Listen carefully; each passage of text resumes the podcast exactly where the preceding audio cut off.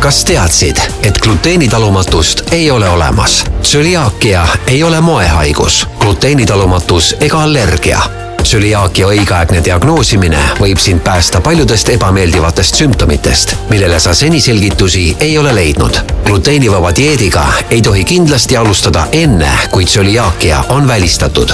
kõikide gluteenivaba eluga seotud küsimustes aitab sind Eesti Tsüliaakia Selts. Vaata lähemalt tsüliaakia.ee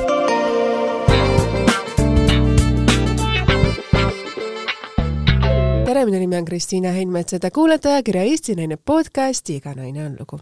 täna on stuudios üks väga armas naisterahvas, kes ütles mulle alles mõni hetk tagasi, et tema telefonihelinal on väga eriline hääl. ja selle hääle nimeks on laul, mida tema isa on temale kirjutanud ja see on Väike Liina. tere tulemast, Liina Tennossaar! Tere, korraks parandan, seda laulu ei ole isa kirjutanud, aga ta on seda minule mõeldes laulnud. Jah, ma siis tegin sellise väikse, kuidas öelda, eksimuse, aga ma arvan, et see hetk, et sul on selline eriline telefonihelin, vajab, kuidas öelda, eraldi kirjeldamist, et mida sa mäletad oma isast? oh jumal, metsikult palju No, et ka sind on ju tegelikult metsikult palju, et sul on kaks imelist last, sul on olnud ju selline särav estraadielu Eesti esilehekülgedel, teleekraanidel, telelavastustel, sa oled olnud ju Noorsooteatri hinnatumaid näitlejaid, sa oled Eesti ühiskonna filmides hinnatumaid näitlejaid, sa, sa oled nagu suurepärane eeskujuks nii paljudele ja mul on nagu suur rõõm, et sa täna siia stuudiosse tuled ja ma tegingi sellise hästi lühikese sissejuhatuse, sest tegelikult sinu kohta ei olekski vaja midagi öelda, sest sa oled oma elus nii palju teinud ja saavutanud ju. No see kõik on nüüd ilmne liialdus ja noh, palju asju ei vasta tõele ka, Noorsooteatris ma ei ole kunagi töötanud ja ja esikaantel ja ma ei tea, kuskil telelavastustes noh, ma kindlasti mitte, noh, mõnes üksikus ja noh, mind on palju ainult selles mõttes, et ma olen kohutavalt suur, et ma olen meeter kaheksakümmend kaks pikk ja ma kaalun seitsekümmend viis kilo. See on küll selles mõttes, jälle sa pisendad oma selles mõttes olukorda, aga jah, minul on need teatri nimed on teinekord väga segamini minevad, sest sa oled olnud ju mitmes teatris. Jaa, ma olen töötanud äh, pärast äh, lavakunstikateedri lõpetamist, ma läksin tööle Vanemuise teatrisse. Mm, -hmm. Siis ma läksin tööle Pärnu teatrisse, kus ma olin seitse aastat, äh, sealt ma läksin tööle Vene Draamateatrisse Äh, ja töötasin, samal ajal läksin veel ka tööle Vanalinna stuudiosse. Äh, ja siis ma hakkasin pärast Vanalinna stuudio nagu Vana Baskini lahkumist ja teatri Romkale üleandmist, siis pärast seda ma hakkasin vabakutseliseks. no ja nüüd ma olen tõesti igasugustes teatrites töötanud, kaasa arvatud noh, Noorsooteatris selles mõttes, et Noorsooteater on vana Nukuteater, seal ma olen ka töötanud tõepoolest. No siis järelikult ma kogemata eksides ikkagi oli ja, natukene no, õigesti ka. Ja, ja, ja. Päris mööda ei pannud. Tihtipeale ongi just, et äh, see inimene, kes tuleb siia stuudiosse, et sa tead temast nii palju, aga on mingid detailid, milles see võib-olla ei pruugi enam nii täpselt, nii täpne nagu olla. no loomulikult, kes ei jaksa võõra inimese elu jälgida, sa oled isegi väga tubli. Äh, see on tegelikult väga, väga oluline, et et äh, on ju elus väga palju hetki, mis ei jõua avalikkuse ette, aga mis on väga tähtsad. Mm, jaa, ja mina olen ka seda tüüpi, et äh, kui sa tõesti seal EFTA galal ei oleks minu juurde tulnud, vaid oleksid mulle niisama kirjutanud, et tule palun mingisugusesse podcasti, noh, ma oleks öelnud, et aitäh, ma ei tule. Ja ma sellepärast just kasutangi selliseid äh, avalikke üritusi enda kasuks ära, et mul on võimalik inimesega saada personaalne kontakt ja paluda teda saatesse, sest äh, minu jaoks oled sa alati olnud väga suur eeskuju jah, see on väga tark, sa teed oma tööd väga hästi aga me alustasime sellise küsimusega, et sinu isast. sest ma arvan, et iga kord, kui sa seda helinat kuuled, siis võib-olla väike selline hetk käib ikkagi sul südamest läbi.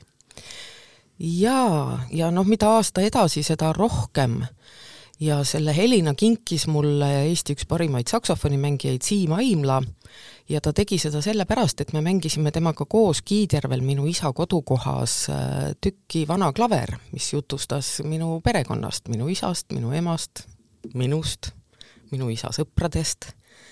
et mul oli kaks aastat tagasi maailma kõige haruldasem võimalus vaadata kõrvalt ja mängida läbi oma perekonna lugu. mina selles tükis mängisin oma vanaema, ehk siis Kalmeri ema. ja see toimus sealsamas külas, Kiidjärve külas, kus isa on sündinud ja see oli minu jaoks no tohutu veider ja, ja rõõmustav ja üllatav ja rahuldust pakkuv kogemus. sa mängisid oma vanaema? jah. iga naine loob, äh, kuidas öelda, jätab endast maha mingisuguse kuvandi, mingisuguse asja ja nüüd sinu vanaema pandi sellesse rolli, temast kirjutati mingisugune stsenaarium, kas see vastab tõele või ei vasta, kas oli stsenaristi nägemus, ja sina pidid seda mängima. mis tundega sa seda tegid? no, väga hea tundega, sest meie stsenarist äh, selle tüki autor Ott Kilusk äh, kirjutas selle tüki kokku ikkagi noh, minu ja Kalmeri sõprade ja minu ema mälestuste põhjal ja ta oli äh, tegelikult neid intervjueeris, neid inimesi Marek Toompere ja Tarmo Kiviväli, kes on selle tüki produtsendid ja nad olid väga tähelepanelikult iga inimest kuulanud et minu jaoks seal selles tükis mitte midagi valet ei olnud ja noh, minu panus oli lihtsalt see, et kuna ma tundsin oma mammat nii hästi, et siis, siis ma sain selle veel, veel usutavamaks ja veel toredamaks teha, et need Keiterve inimesed, kes minu mammat väga hästi tundsid, kiitsid mind küll väga. mis oli see erisus, mis sina lisasid oma sellesse režiss-, mitte režissööri, vaid stsenaristi nägemusse juurde, mis olid need erilised detailid, mida ainult sina teadsid? Äh, näiteks mingid sõnad, mida mamma kasutas ja see murrak, mida mamma kasutas, mamma nagu kirjakeelt ei rääkinud. Äh, mamma rääkis äh, Põlva murrakus. ja see on näiteks mõni lause, mõni sõna? noh, ma ei tea, no äh, sa peaks, sa peaks naase võtma, muidu lähed veel rassitama oi kui äge vaata, kui palju on tegelikult eesti keelel selliseid nüansse, mida võib-olla tänapäeva lapsed enam ei tea või tänapäeva inimesed. noh, see oli näiteks see, mida Ott Kilus kirja panna ei osanud, seda tegin mina. väga äge. Mida sa mäletad oma lapsepõlvest? Ah, ma mäletan, mul oli nii tore lapsepõlv.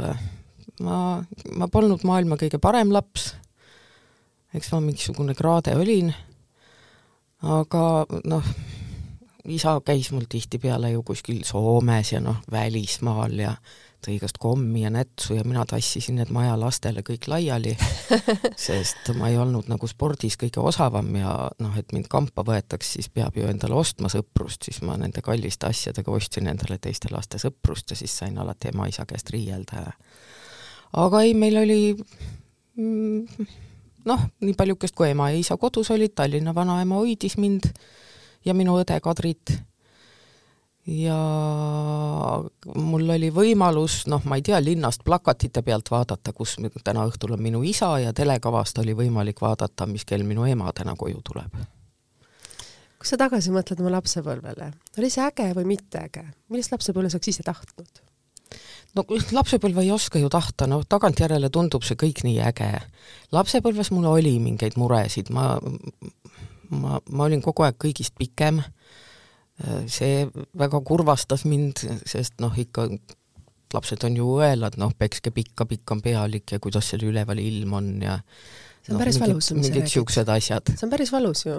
noh, minu jaoks see käis nagu lapsepõlvega kaasas ja siis teine asi, ma tegelikult kohutavalt häbenesin oma isa, sest äh, noh, mind sunniti, ma ei tea, kui ma näiteks haiglas olin, pandi kahe voodi vahele kinni ja öeldi laula midagi, sa oled Kalmer Tennosaare tütar ja aga ma laulda ei osanud ja siis oli nagu kuidagi paha ja noh, oleks ma niisugune hõbe hääl olnud nagu Kalmer, okei okay,, see poleks mulle raske olnud, aga ma ei osanud ja siis mul oli selle pärast häbi ja aga noh, ikka enamasti oli ikka tore elada ja olla.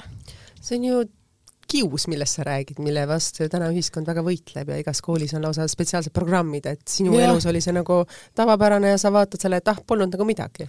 no ma ei tea, kas see kuidagi käis niimoodi. noh, minu meelest teisi kiusati veel rohkem ja siis oligi vaja ennast noh, kuskile kampa osta mingi välismaa nätsupaki või ma ei tea, Fatseri šokolaadiga täna mõtled sellele tagasi ja kui mõtled ise nüüd vanema rollis olles, et kuidas sa oma lapselapsi nüüd vaatad, sa just rääkisid hetk tagasi, kuidas sa ostad need maitsestatud kõrsi, et sinu imearmas esimesse klassi läinud lapsekene saaks pärast kooli tulla sinu juurde piima jooma. Jaa, see on Egoni tütrepoeg, väike Hugo läks, on meil nüüd koolipoiss, läks meie maja vastu Kalamaja põhikooli ja ja siis ta ikka peale kooli astub meilt läbi ja tahab ja need maitsestatud kõrrega piima juua, sest ta ütleb, et ta ei jaksa muidu koju minna kas sa nüüd ise mõtled, et milline lapsepõlv on täna sinu lastel, oli sinu lastel ja on sinu lastelastel ja sinu enda lapsepõlvest, millest sa just hetk tagasi rääkisid, et need on ju kõik nii erinevad ajastud? oi, need on totaalselt erinevad ajastud, sest noh, mina ei tea, mina olen nii vana inimene, et mina olen veel karjas käinud siis kui me seal Kiidjärvel suveti mamma juures elasime, siis me naabrilastega valvasime kolhoosi lehmi, noh, me lugesime metsikult raamatuid, noh, me jooksime ringi, me luurasime, me, ma ei tea, kleepisime endale tõrvalilledest küüsi ja panime klotsid susside sisse, et meil oleks nagu kontsakingad ja tegime moedemonstratsioone ja tegime, ma ei tea, koomiksite järgi äh, minu lapsepõlves ilmus esimene koomiks äh, Piilupart Donald ja teised, siis me õuelastega mängisime sealt koomiksist neid, ühesõnaga me olime pidevalt õues. me kogu aeg tegime midagi. nüüd on äh, noh, need väiksekesed, kes praegu, neil on kõige ägedam, kui nad saavad mingit, ma ei tea, Minecrafti mängida või ega meie Hugogi ja tema väike õde Stella, nendega peab ka kogu aeg midagi mängima, aga ma olen vähemalt ostnud koju noh, niisugused toredamad mängud, no jooni, joonista ja arva ja viis sekundit lastele ja eile näiteks mängisime Hugoga täringuid.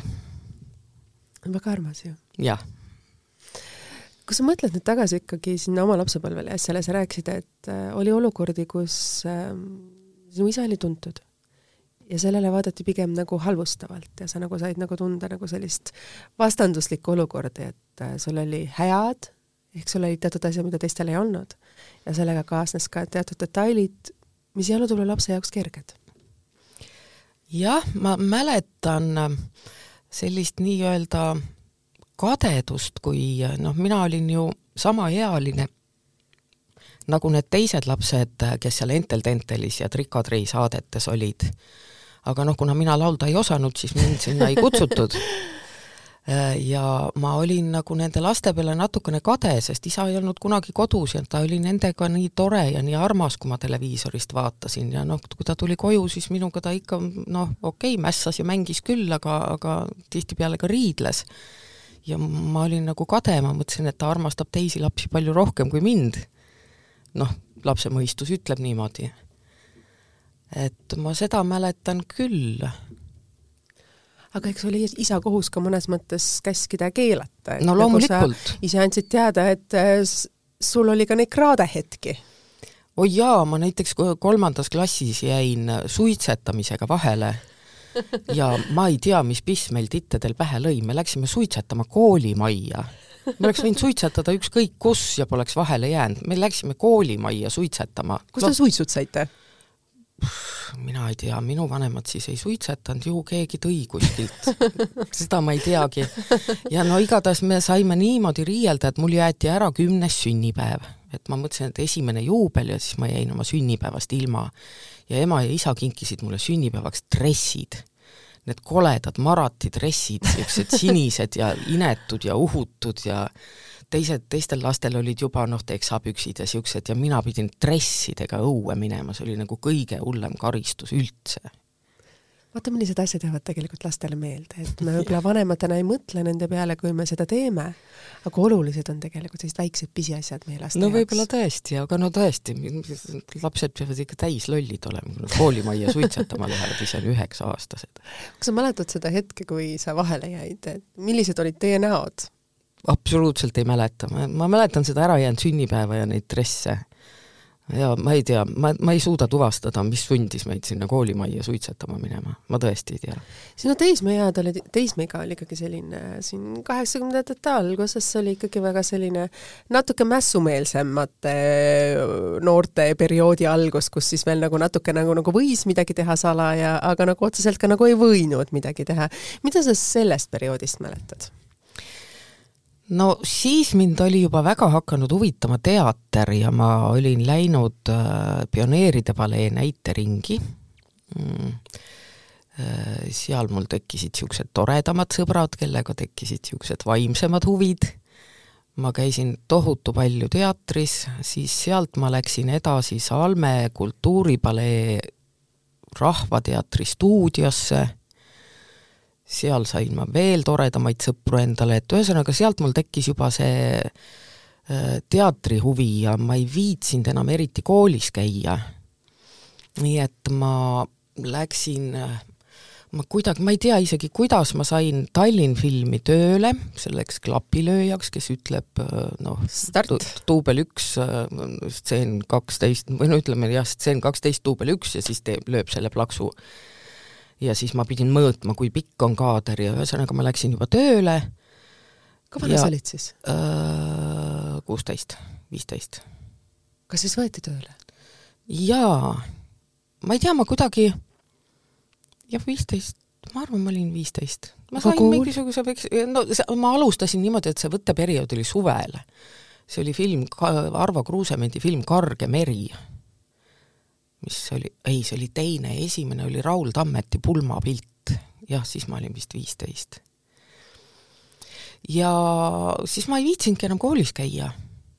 ja seal mm, võtetel oli üks naine, ma ei mäleta enam, milline ta välja nägi, noh, ilmselt ta oli noor kena naine, ma mäletan, tema nimi oli Viive Peet, kui sa kuuled mind kuskil, siis ma olen sulle südamest tänulik kes ütles mulle, et äh, kui sa ei viitsi koolis käia ja tahad nii õudselt siin Tallinn filmis tolgendada, et siis lõpeta vähemalt kool ära, et tee siis nagu Lenin, tee eksternina.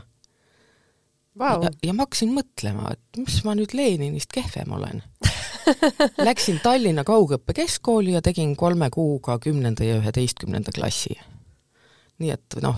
uskumatu distsiplina-, distsiplineerimine. iseenda distsipliini, distsipliini panemine kolme kuuga. jaa, nii et jaanuaris läksin sinna kaugõppekeskkooli, märtsiks oli, märtsi lõpuks olin lõpetanud, aga noh, lõpueksamid, need riigieksamid ma pidin kõigiga koos tegema mm. -hmm. ja siis ma läksingi kuueteistaastaselt juba lavakakatsetele, sain kohe seitseteist ja siis olingi äkitselt üliõpilane mida sa mäletad lavakaperioodist? kuusteist, seitseteist minna lavakasse. täna me saadame kuueteistaastased lapsed alles keskkooli, hoiame nendel käest kinni veel ja teeme pai, sest ja. kuidagi tänane ühiskond on ju teistmoodi. noh, eks ma kõige lollim ja tobum seal kursusel olin, aga meil oli niisugune suhteliselt kokkuhoidev kursus ja meie olime otsustanud, et äh, me, terve kursus saab ainult neljasid ja viisi, et noh, kahtesid ja kolmesid ei saa ja siis nad, kuna mina olin kõige topskim, siis nad aitasid mind järgi, kui olid mingid arvestused või eksamid, siis me istusime koos, nad seletasid mulle asjad ära, mis oli nendele hea, sest neil jäi siis paremini meelde ja minul oli hea, sest mina sain aru.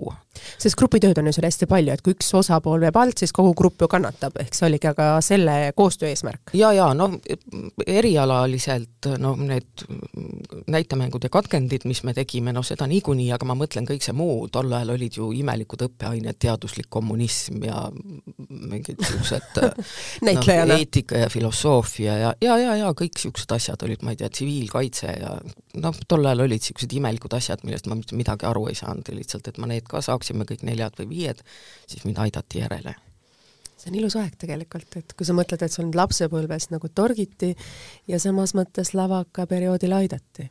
oi jaa väga,, väga-väga. ja eks ma jõudsin ju enne lavakat juba mehele ka minna, ma olin ju kuueteistaastane, kui ma Heino Seljamaale naiseks läksin ja mul kolmandal kursusel sündis juba poeg ja siis mind ka väga palju aidati, mul oli siis ikkagi koolis see bambukene klaveri peal ja kui vana sa olid, kui sa said emaks? üheksateist. kolmandal kursusel, jah. täna on ju see täiesti teismeline alles. jah, aga, aga kuidas sa ennast tollel ajal tundsid? jumala hästi, ma ei märganudki, et ma vahepeal olin, no mina, mina võtsin teda nagu sõpra alguses, kui ta pamp oli, siis ma tassisin teda kaasa ja ja pärast oli ta mul lihtsalt sõber ja kasvas minuga koos eks ma ju ka veel kasvasin. ma näiteks äh, abielu ajal Heino Seljamaaga kasvasin oma abikaasast kümme sentimeetrit pikemaks, sest mina olin kuueteistaastaselt veel kasvueas. kui vana tema oli, kui sina, kui te abiellusite? kolmkümmend. okei okay,, ta oli siis nagu selles mõttes nagu vanem. kas oli armastus esimesest silmapilgust? see oli armastus enne esimest silmapilku selles mõttes, et noh, ma olen tegelikult sellest nii palju rääkinud, aga ma olin äh, kolmeteist või neljateistaastane, kui ma nägin Einot esimest korda televiisorist, ma kutsusin köögist ema ja näitasin talle, et näed, tule vaata, et selle mehega ma abiellun. sa oled ikka, ma täna väga harva kasutan sõna paganama enesekindel tüdruk olnud ma ei tea, võib-olla kui sa otsustad, et nii peab minema, siis äh, siis ju siis nii läheb. sa oleks nagu olnud, äh, kuidas öelda, nelikümmend aastat ees, täna kõik räägivad, et manifesteeri ja mõtle, kuidas sa asjadele ette saad ja et siis, kui sa küsid, oskad küsida täpselt, siis see tuleb. sina vaatad kolmeteistaastaselt korra televiisorit, nii, selle mehega ma nüüd abiellun, ja abielludki. jaa ja ega ma selleks suurt midagi ei teinud, kuueteistaastaselt ma käisin oma sõbrannaga külas ühel toredal kunstnikul Valdu Rohakal, kes elas Kütiorus Võrumaal ja jalutasin just tema juurest äh, tagasi bussipeatusesse, et sõita Tallinnasse koju ja metsa vahel tulid mulle vastu siis Eino Seljamaa ja Tõnu Raadik. ja siis ma vaatasin, et vau see on ju see mees, kellega ma abiellun ja siis ma mõtlesin, et ma veel ei lähe bussi peale. ja siis ma ei läinud ja läksime sinna Ohaka juurde tagasi ja ma ei tea, kolme nädala pärast ma vist juba elasin tema juures. millised su pulmad olid, mida sa mäletad sellest, kuusteist, pulmad? Äh, no me abiellusime siis, kui ma sain kaheksateist mm. -hmm. See oli pärast esimest kursust,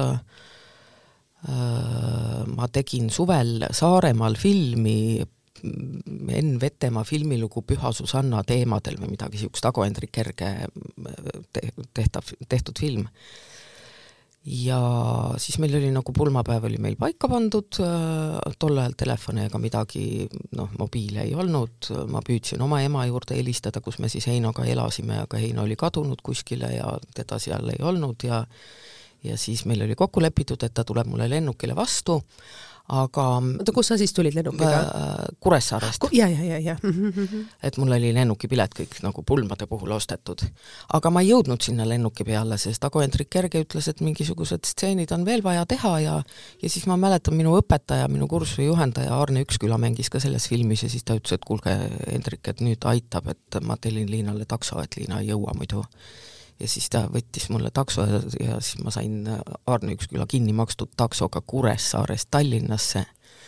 aga noh, ma mõtlesin, et ega see Heino vist ei tule, et ta oli nii mitu päeva juba kadunud ja Heino oli jälle läinud mulle lennuki vastu ja vaadanud, et aa, ma olin nii palju päevi kadunud, et ega see Liina vist ei tule.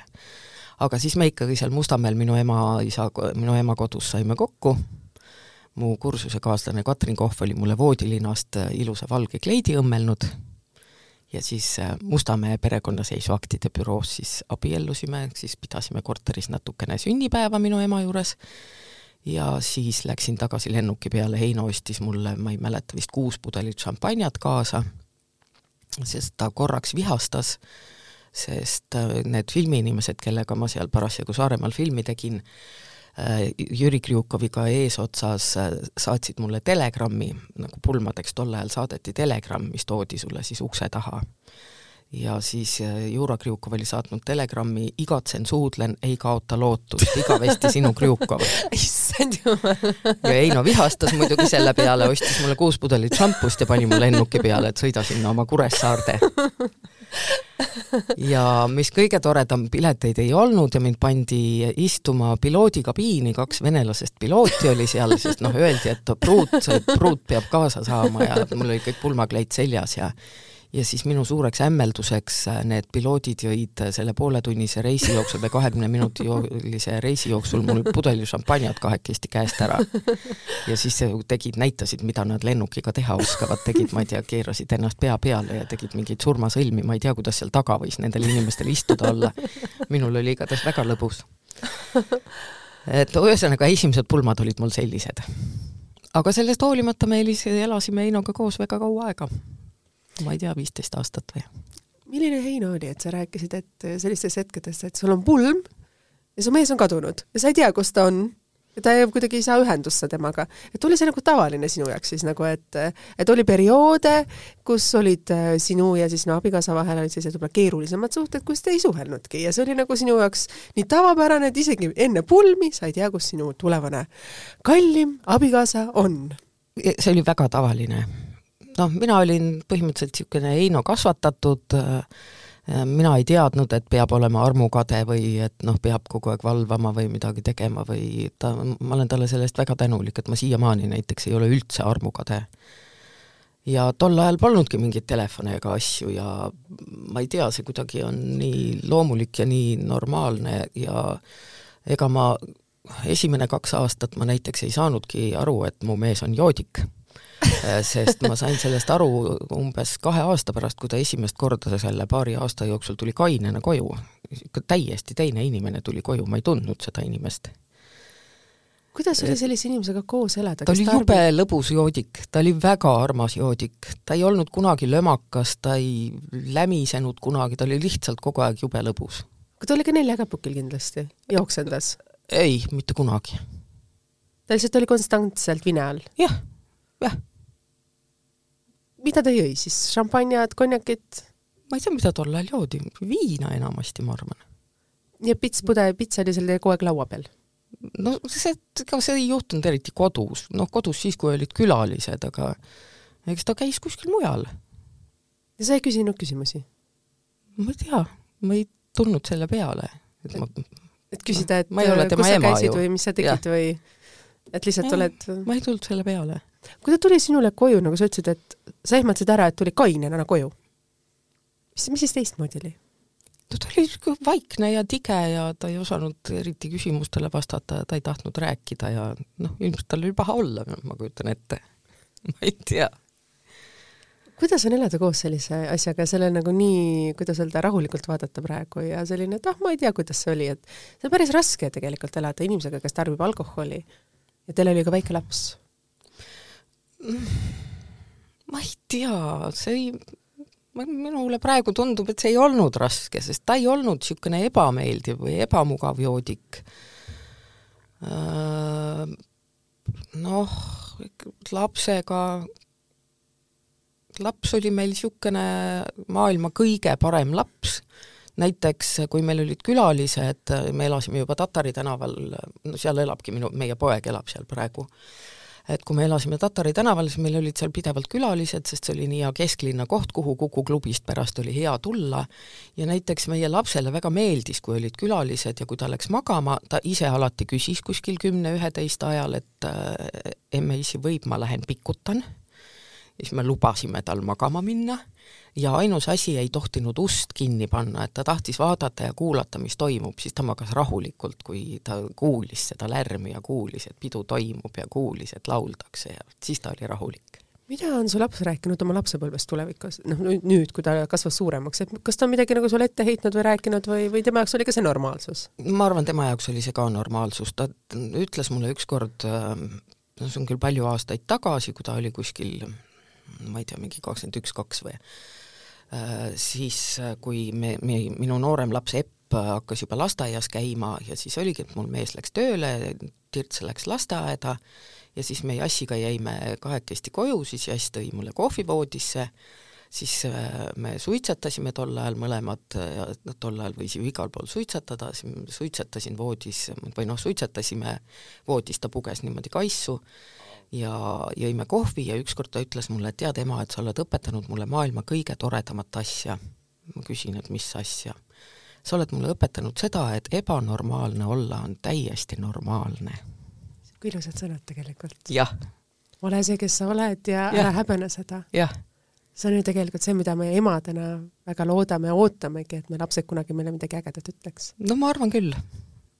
sa võid öelda, et ma olen olnud hea ema, ma olen väga äge ema olnud ma arvan cool, et ma ei ole üldse hea täna. ema olnud, aga ma arvan, ma olen olnud äge ema. Cool mom, täpselt ja. nagu täna on see väljend rahvusvaheliselt juba, et cool mom. jah, ma arvan küll. see on paganama hea tunne, ma olen ka seda kuulnud, kui mulle öeldakse, et sul on ema cool mom tore aga Heino Sillemaaga mingil hetkel läksid teil teed äh, lahku ja nii edasi, kuidas siis järgmine pulm oli? mul tekkis kohe küsimus, et kui esimene pulm äh, toimus, kuidas öelda äh,, pulmakleidis, äh, kuidas öelda siis, kuidas siis nimetada, pulmareis toimus sul koos kahe Vene piloodiga, šampanjat juues, äh, tiireldes mööda siin kuskil Eesti õhuruumis äh, Tallinna Kuressaare vahel, pulmakleidis siis, kuidas teine pulm oli?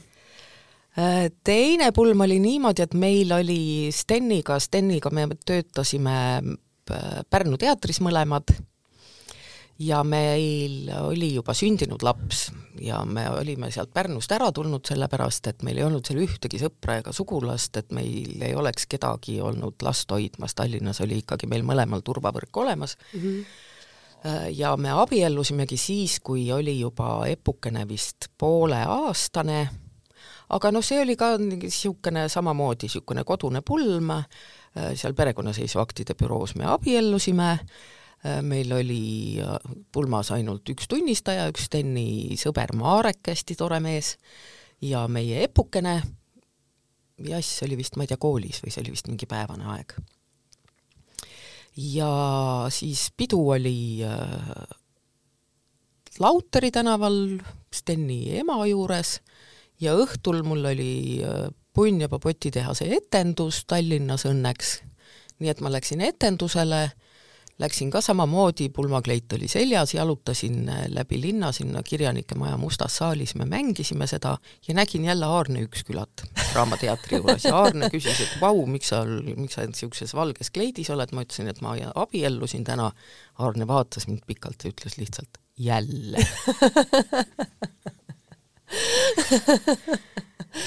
kas siis seekord rohkem telegramme ei saadetud, nii et see pahasus jäi ära? ei jah, telegramme ei mingeid, aga noh, mängisin oma Punnjoba etenduse ära ja sain kõigilt õnnitlusi ja ja mu laste nimed on selle Punnjoba etendusega seotud, et kuna mul juba Jass oli olemas ja seal Punnjoba potitehase etenduses on tegelased Jass, Mihkel ja Epp, et siis mul ei olnudki muud võimalust, et kui sünnib poiss, oleks saanud nimeks Mihkel ja kui tüt-, tüdruk, siis noh, nüüd on mul Epp, Jass ja Epp kas sa mõtled nüüd tagasi oma nagu sellele pulmale ja asjale ja vaatad täna, kuidas need pulmad on üle mõnes mõttes tähtsustatud ja kuidas kõik tälid on vaja nagu paika panna ja nii, et paganama ägedalt, ägedalt oled sa nagu, kuidas neid asju lahendanud, selline Par Pariis, Pariisi või ütleme, prantslased, kus need nonchalantiga, aa, ma ei ära teha, käin kuskil ja midagi õhtul ütlen, aa jah, nii.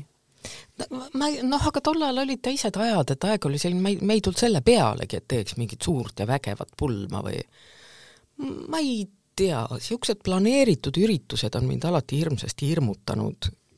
noh, ma, ma olen vaadanud näiteks kõrvalt, kui Egon sai kuuskümmend ja ja üks hästi tore kolleeg Külli Reinumägi tegi talle, või noh, nad mängisid kahekesti ühte tükki ja tegi talle kõik vabal laval selle nii-öelda juubelietenduse ja kui kohutav närvide, närve sööv aeg see Egoni jaoks oli, noh meie sõber Mait Malmsten, kes sai praegu viiskümmend, kui kohutavalt närvesööv see oli, et noh, niisugune suur üritus ja milleks oma närve rikkuda?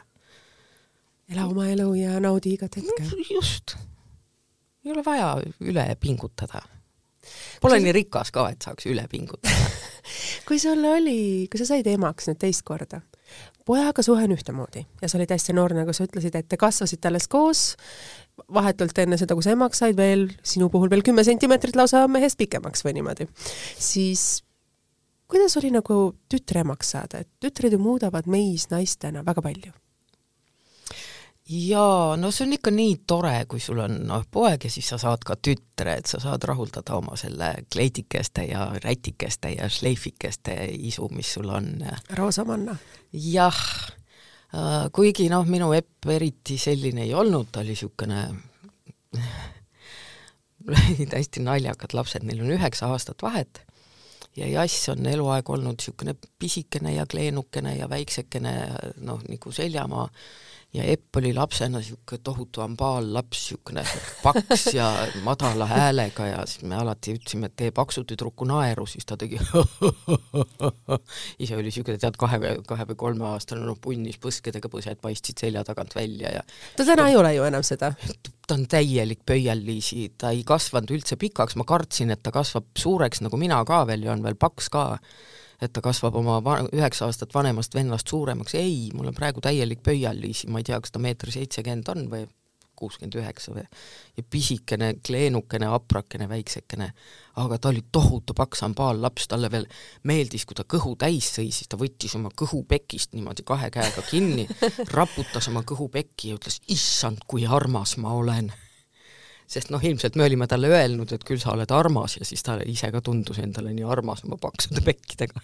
tegelikult see on hästi oluline, et olenemata, milline su laps on, sa hindad teda sellisena, na on ja sa pigem sisendad talle igal hetkel positiivsust. no loomulikult, aga seda ei tehta palju, tänapäeval palju öeldakse, et oi, et sa oled nagu juurde võtnud või oi, sa ei tee seda, oi, tee seda, et seda just nagu sildistamist on täna ka vanemate poolt näiteks väga palju, et sina just räägid seda nagu headusega ja ka sinu tütar võttis ju seda headusega.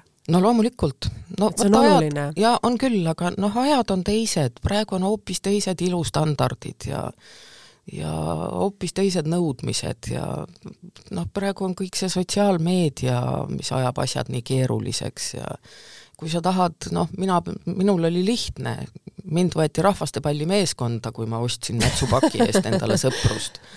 aga praegu on see kõik tuhandest raskem, kui see kõik toimub sotsiaalmeedias sinu oma näoga, see on kohutavalt tähtis, milline sa välja näed, ma ei tea, millised on su küüned, millised on su riided, et see kõik on praegu tuhandest keerulisem et siis noh, see paneb ilmselt pressi alla ka vanemad, et kui su laps tõesti on niisugune pontsu, nagu minu Epp oli, noh, võib-olla on ka vanemate läbi või noh, mina ei tea. ma ise mõtlen, et mina olin ka niisugune paks laps, kolm rasvavolti kuklas ja juuksed ei kasvanud mul tükk aega ja ja et ma kujutan ette, et minu isa näiteks võis küll mind, no ma olen isegi kuulnud, et mu isa mind häbenes. et noh, ei olnud mingi blondide lokkidega kaunitar, vaid oli paksu kaelaga kiilakas ja ise tüdruk. Jumal, kuidas sa ikka enda kohta nagu räägid, et see on väga aus ja toores ausus ja kuidagi niimoodi vaadata ja oma elu analüüsida, on see on ikka, jälle ma pean kasutama sellist sõna, paganama julgus. No need asjad on nii, noh, mis ma siin ilustan. ja peale selle ma olen ju oma eluga kuidagi hakkama saanud, et ega ma ei ole sinna paksu kaela kinni jäänud kui sa mõtled tagasi, sul olid, sa olid noor, sul oli kaks last, sa pidid kuidagi sellega hakkama saama, kuidas oli nende kasvatamine, et äh, ärkasid hommikul üles bussiga, ühe saatsid kooli, teise viisid bussiga lasteaeda, see oli elu? Äh, jah, ma elasin äh, noh, suhteliselt kesklinna lähedal alguses ja pärast ka Köömne tänaval, et ühesõnaga jass oli juba nii palju suur, et ta sai ise kooli mindud ja äh, minu tütar käis äh, hästi toredas lasteaias Rõõmu Tareke, kus, mis oli Toomkuninga tänaval kesklinnas ja kus käisid kõigi minu kolleegide lapsed. seal käib siiamaani, ma arvan, ainult sinu kolleegide väga tähtsate inimeste lapsed võib-olla küll, sest tol ajal oli seal juhatajaks üks äh, Redna Rannuse ema, proua Ene Annus, kes siis tekitaski sellise rühma Äh, kus olid põhimõtteliselt jah, näitlejate ja lavastajate lapsed ja see oli kohutavalt hea sellepärast, et äh, seal hakkasid tegevused kõik kella kümnest, sest me kõik läksime kella üheteistkümneks proovi. meil oli kohutavalt raske, miks me peaks lapsed kella kaheksaks viima kuskile lasteaeda mm. -hmm ja siis oligi, et noh, kes meil seal areaalis elasid, et kas näiteks Ivo Uukkivi võttis siis minu lapse ka või võtsin mina Ivo lapse või kes me seal naabrid olime ja või siis teine võimalus, ma tellisin takso ja saad, ise kaasa ei läinud, saatsin lapse taksoga lasteaeda. jälle, milline aunusus üles tunnistada saatsin lapse taksoga lasteaeda. kunagi sai tehtud. kui sa oled olnud nende laste lõpetamistel ja seisnud äh, siis seal koolis ja mõelnud, et ma olen hakkama saanud millegi väga suurega. et ma olen andnud neile nii palju oma elust ja nii palju os-, oskused, et nüüd nad lõpetavad kooli ja peavad ise lendama hakkama. kuidas sa ennast, ennast oled nagu nendel hetkedel just tundnud, et äh, need teekonnad näitlejana on olnud ikkagi ülesmäge, sest nagu sa oled öelnud, nii paljudes erinevates kohtades töötades on sul olnud ka kindlasti selliseid väga-väga raskeid perioode, kus sa oled mõelnud, et ma ei tea, kas ma saan hakkama jah, see on mul igal hommikul miks siis nii no meil on kõige lollakam amet, noh, ükski poemüüja või või noh, ma ei tea, võib-olla raadiosaate juht on natuke keerulisem, aga ükski poemüüja või asfaldipaneja ei muretse ju hommikul, kas ta täna oskab oma tööd. aga mina muretsen igal hommikul, kas ma täna oskan oma tööd. ma ei ole sugugi kindel. et see on, see on minu rutiin, see on minu igapäev ma, okei okay,, ma lähen õhtul mängima etendust, kui ma olen seda juba korduvalt mänginud, siis, siis ma tean, et ma saan hakkama.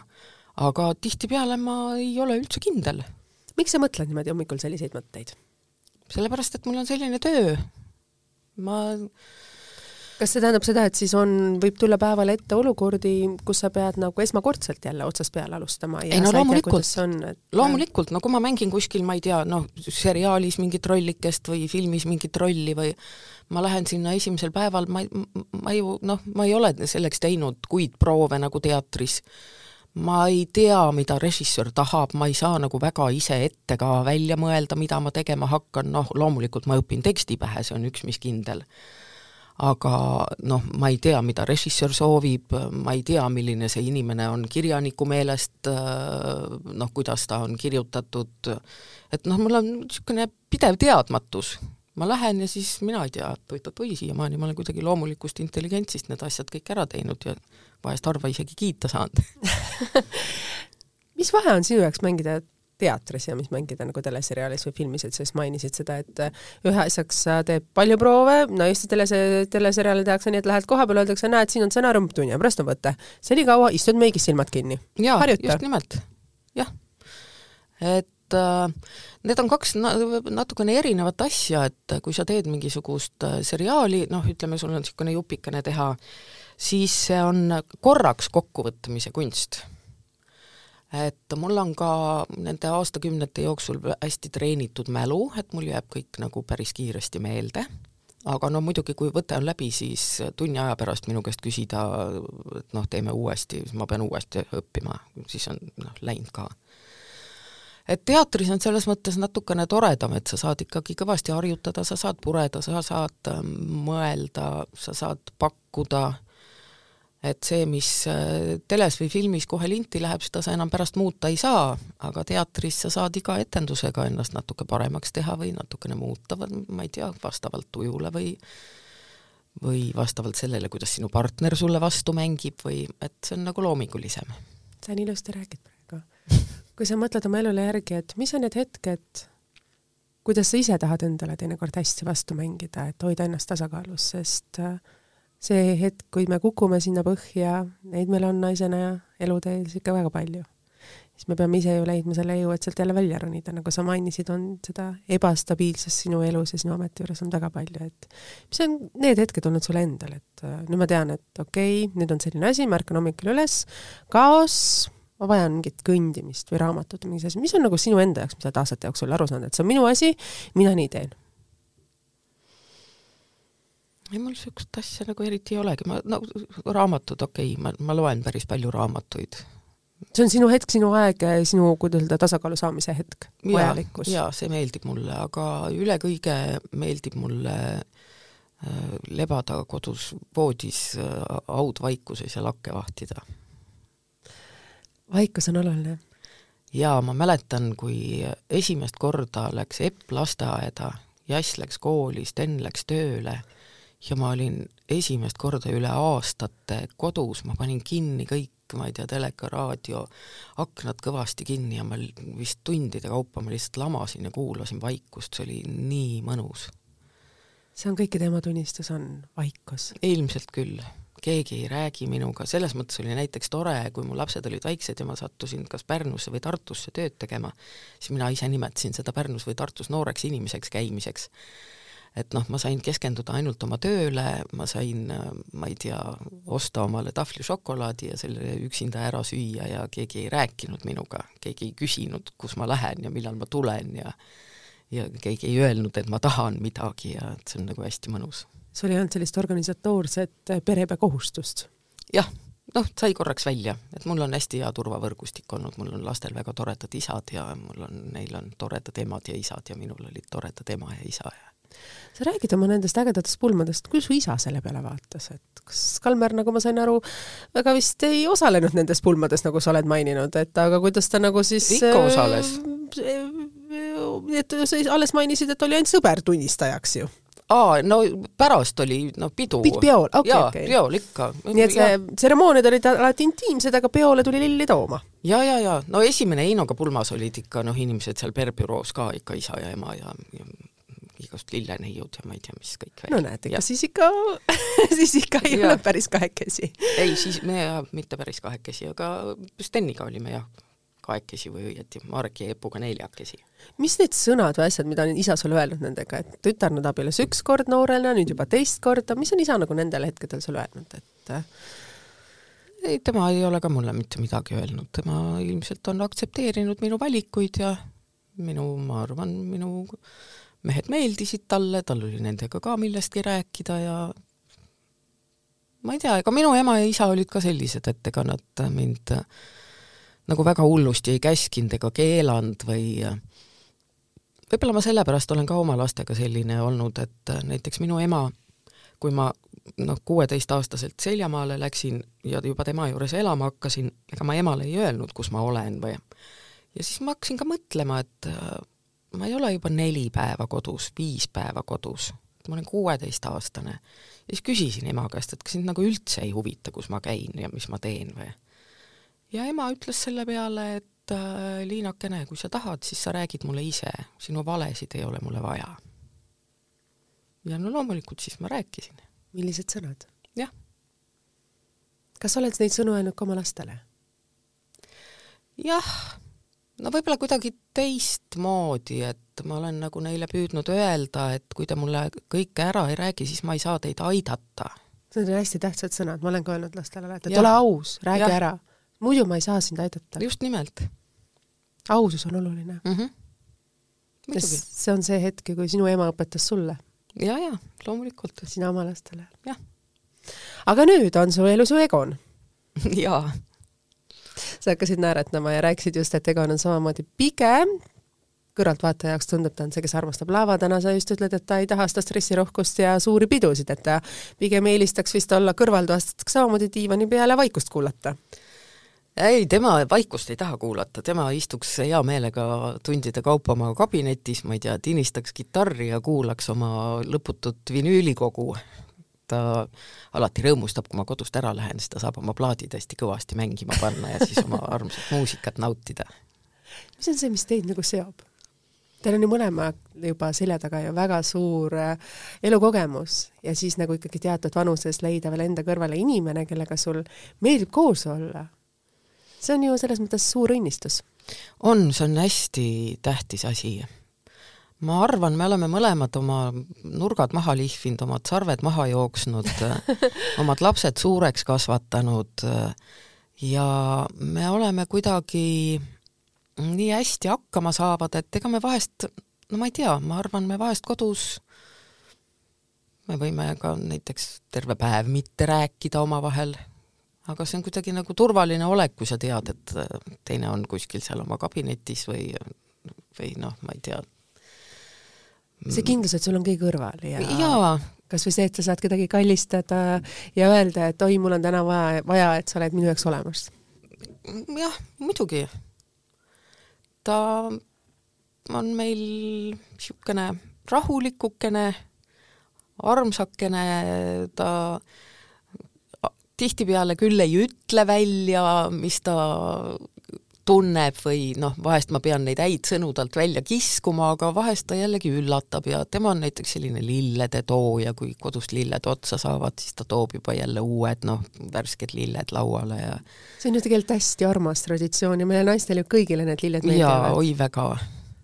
ja õnneks meil on ka niisugune ühine sõpruskond ja mina ei tea, kui meil igav on, siis me mängime täringuid kahekesti vahest ja ja ma ei tea, vaatame televiisorit ja tunneme ennast hästi. kuidagi hästi turvaline ja mõnus on olla, me oleme juba nii vanad inimesed ja me hoolime üksteisest nii väga, et et meil ei olegi nagu vaja eriti palju rääkida. sa ütled väga tähtsad sõnad, sest armastus ongi ju tegelikult turvatunne. vist jah. kõike muud sa saad lükata, teha, muuta, aga see, kui sa ei tunne ennast suhtes turvalisena, siis, siis ei ole sealt ju edasiminekut. jah, muidugi noh. muidu sa jäädki otsima midagi muud ju. jah, ma ei, ei viitsi, me oleme mõlemad nii mugavad ja meil on teineteisega nii hea olla, et ma no, Teil on neli lapselast? Egonil on neli lapselast ja. jah, minul veel lapselapsi ei ole, aga Egoni lapselapsed on minu sõbrad selles ka. mõttes, et ikkagi kahe peale me just hetk tagasi rääkisime, et te ikkagi koos neid äh, mõnes mõttes aitate kasvatada ju ja ikkagi sina ka vanema rollis mõnes mõttes ka teinekord pead ju olema selles abi, abivanema rollis siis. jaa, hea meelega lapsed, viimane kord Egonil oli sünnipäev kahekümne kolmandal, siis nad käisid meil ja siis väiksemad lapsed, Hugo ja Stella, äh, kinkisid mulle mis ma ei mäletagi, kuidas seda nimetati, aga nad joonistasid mulle mingi äh, parima mängija Liina medali. kui armas. jah. kui me oleme emad, siis tegelikult neid hetki, kui lapsed meile muudkui joonistusi teevad, on hästi palju. ja mingil hetkel me ei suuda kuidagi neid vastu võtta, sest neid on palju ja kui need enam ei ole, sa mõtled, et ja vaatad neid joonistusi taga, sa mõtled, issand, kui kahju, et ma tegelikult sellel hetkel rohkem ei pühendanud või süüvinud sellesse. no eks see ole jah, niisugune tagantjärele tarkus. aga noh, ma ei tea, minul on kamina otsas üks suur kohver, kus on minu laste joonistused, et ma ei ole raatsinud, ma olen nad ikkagi kuidagi kokku kogunud ja ma ei tea, kas ma olen neid pärast hiljem vaadanud, vaevalt, aga ma arvan, et see aeg tuleb, kui ma ükskord neid vaatama hakkan jälle. Need on ilusad mälestused ja sellest ju tegelikult elu koosnebki. muidugi. mis on see mälestus, mis äh, on võib-olla sulle elus kõige rohkem meelde jäänud, et sa rääkisid oma nendest pulmadest ja asjadest, aga su elu on olnud nii värvikirev, neid rolle on olnud ju nii palju, et äh, mis on võib-olla sellised erilised hetked, mis on sul nagu endale veel nagu meelde jäänud, peale siis selle lennukiga siin, äh, kuidas öelda, pööritavaid hüppeid teha õhus issand, ma ei tea kui sa mõtled mingisugusele ühe, mõtlengi ühe sellisele nagu väga ägedale nagu hetkele või asjale, et noh, sinu puhul on ju neid avalikkuse ette ka kindlasti jõudnud igasuguseid asju, aga mis on sinu endale nagu südame jaoks, et kas on mingi lapse tegemine sinu jaoks või on mingi näitlemisega seotud see asi või mis on nagu see olulisus? no minul endal on näiteks see, et mul on keskmine poeg, Charlton, kes armastas õhtuti salaja mitte magama minna, vaid joonistada mulle kaarte, kuhu siis, mis ta voltis kokku, kus sees oli alati punane süda. oi kui tore. ma ei teagi, võib-olla noh, kui lastega seoses, siis ma ei tea, see, see imeline jass, kes mul oli, kes ei olnud mitte kunagi haige isegi rääkimata sellest, et ta oleks kuskile kukkunud või midagi kriimustanud või ta oli vist esimest korda haige siis, kui Epp tõi mingid tuulerõugad lasteaias. Jess oli kuskil viieteistaastane siis. või siis no see hetk, kui Epukene oli mul niisugune teismelisena jälle õudne uksepaugutaja ja niisugune paha laps, ja nii, kui ta kaheksateist sai ja äh, kell kukkus, tal oli sünnipäev, siis muutus kardinaalselt, uksed läksid kinni vaikselt, nõud olid pestud, nüüd on ta niisugune koristamishull, ta on lõputu tolmuvõtja ja hästi tublikene. et noh, loomulikult need mingisugused lastehetked on äh, hästi tähtsad, aga no ma ei tea, eks neid hetki on teatris ja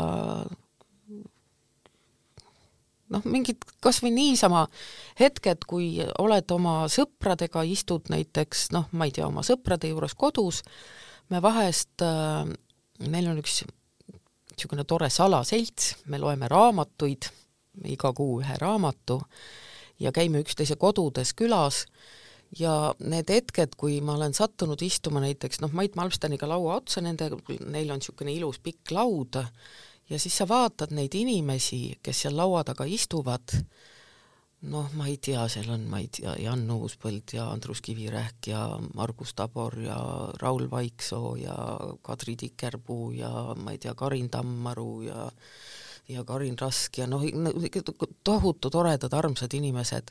ja siis me oleme nagu Maiduga üksteisele otsa vaadanud ja mõlemal on pisarad silma valgunud lihtsalt sellepärast, et meil on nii kohutavalt toredad sõbrad et sa lihtsalt heldid sellest, et su ees on pikk laud maailma kõige toredamate inimestega. ja sa tead, et sa oled alati hoitud, see on sinu turvavõrgustik, need on sinu väga head sõbrad, et meil on elus ikka tohutult vedanud. no mingi niisugune hetk tuleb, lööb ette lihtsalt see, et veekalk veel silmadega vaadata oma sõpru pika laua taga. kas ongi elus tähtis, et üksi me ei ole keegi? no üksi on raske kindlasti on neid ka, kes üksi on keegid, kes suudavad üksinda pusida ja pusserdada ja ka kusagile jõuda. meil on alati vaja tugivõrgustikku ümber, kui me oleme emad, meil on alati vaja naistena enda ümber sõpru, toetajaid ja kas või seda, et meil on olemas keegi, kas siis abikaasana või sõbrana või keegi, kes annab sulle selle meheliku kalli. jaa, kindlasti on seda vaja, kindlasti on seda väga-väga vaja ja sellest elu koosneb, nendest ilusatest hetkedest, mis on su südame jaoks, mitte see väline sära ja,. jaa ja noh, mul, mul jääb ka tihtipeale hästi palju ellust üle ja selleks meil on kodus üks paks valge kass keda saab siis niisutada ja maisutada, noh, ma lõpmatuseni Egon ei kannataks iial välja, kui ma kogu aeg tal põskedest kinni, oo, nüüd on see ilus laul. aga sa tooksid selle lähedale, see telefoni? ja see hetk, millega me saadet hakkasime, me põhimõtteliselt oleme kohe saadet lõpetamas, sest me oleme tunnikese rääkinud ja siin on see laul. Oh my god, mul on pisarad silmis kui ilus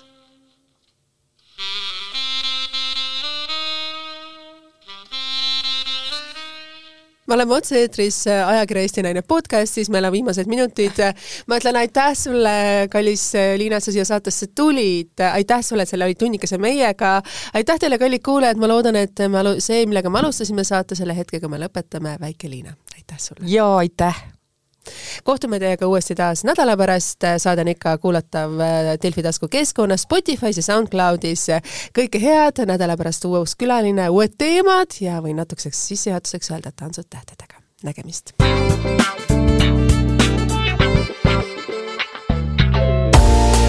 kas teadsid, et gluteenitalumatust ei ole olemas? tsüliaakia ei ole moehaigus, gluteenitalumatus ega allergia tsüliaakia õigeaegne diagnoosimine võib sind päästa paljudest ebameeldivatest sümptomitest, millele sa seni selgitusi ei ole leidnud. gluteenivaba dieediga ei tohi kindlasti alustada enne, kui tsüliaakia on välistatud.